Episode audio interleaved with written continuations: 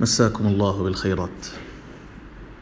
من الأبيات اللي آه، تستحق بعد أن تشرح و آه، تفسر للمستمعين تستحق أنه يتوقف عليها الواحد مدة طويلة ويعيد تأملها وفيها كثير من المعاني والديبيتس والنقاشات اللي ممكن تفتح بعدها صراحة.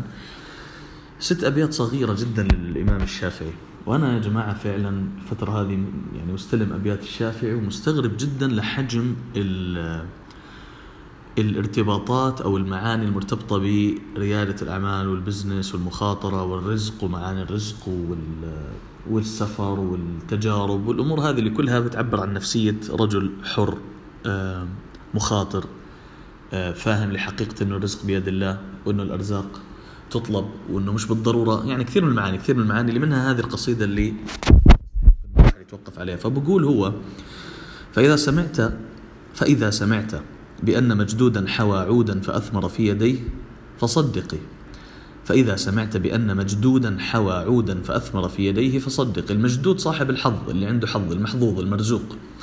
وهون يا جماعة نقطة خطيرة أنه الشافعي من الجماعة اللي يؤمنوا أنه مش كل شيء بس بالجهد ينال. هذا معنى خطير جديد يعني. في ناس بقول لك يا جماعة يعني الاجتهاد بيجيب كل شيء. هذه الأبيات أو هذه القصيدة على فهم الشافعي على الأقل ناقضت هذا المعنى. فهو بقول فإذا سمعت بأن مجدودا حوى عودا إذا سمعت أنه صاحب الحظ أو المرزوق خلص اللي الله كتب له رزق.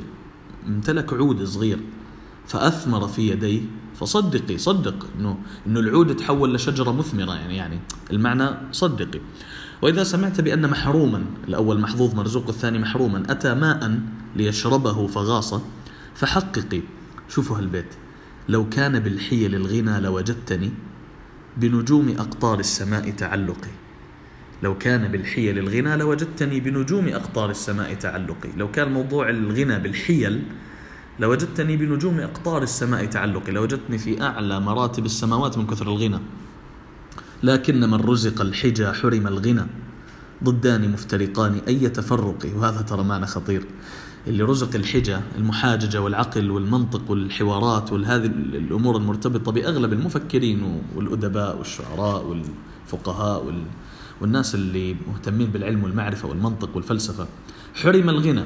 عادة ما هم شاطرين في بيئة الأعمال والبزنس وهذه الأمور. هذا بشكل عام مع وجود استثناءات طبعا آه، برأيي صحيح. لكن من رزق الحجى حرم الغنى ضدان مفترقان أي تفرق وأحق خلق الله بالهم امرؤ ذو همة يبلى برزق ضيق. يا سلام. وأحق خلق الله بالهم امرؤ أولى الناس من ينهم امرؤ ذو همة يبلى برزق ضيق. يا الله كيف الرزق الضيق؟ بقتل الهمم يعني الشافعي اعتبر أعظم بلاء أنه شخص يكون عنده همة عالية وقدرات وطموح يبلى برزق ضيق ما عنده اللي يقدر بعده يفكر غير في الرزق واليوميات وكيف يدبر قوته وقوت عياله ومصاريه وهكذا وهاي الأمور. فالمعنى جدا عميق. أجين فإذا سمعت بأن مجدودا حوى عودا فأثمر في يديه فصدقي. وإذا سمعت بأن محروما أتى ماء ليشربه فغاص فحققي لو كان بالحيل الغنى لوجدتني. بنجوم أقطار السماء تعلقي لكن من رزق الحجى حرم الغنى ضدان مفترقان أي تفرق وأحق خلق الله بالهم امرؤ ذو همة يبلى برزق ضيق ومن الدليل على القضاء وحكمه ومن الدليل على القضاء وحكمه بؤس اللبيب. وطيب عيش الأحمق إن الذي رزق اليسار فلم ينل. أجرا ولا حمدا لغير موفق. إن الذي رزق اليسار فلم ينل اللي رزق اليسار اليسر الخير الله رزق وأعطاه ميسر أموره فلم ينل أجرا ولا مجدا لغير موفق.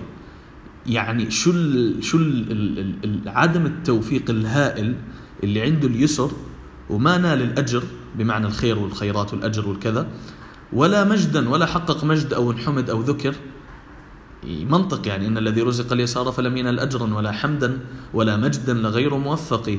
والجد يدني كل أمر شاسع والجد يفتح كل باب يمسيكم بالخير.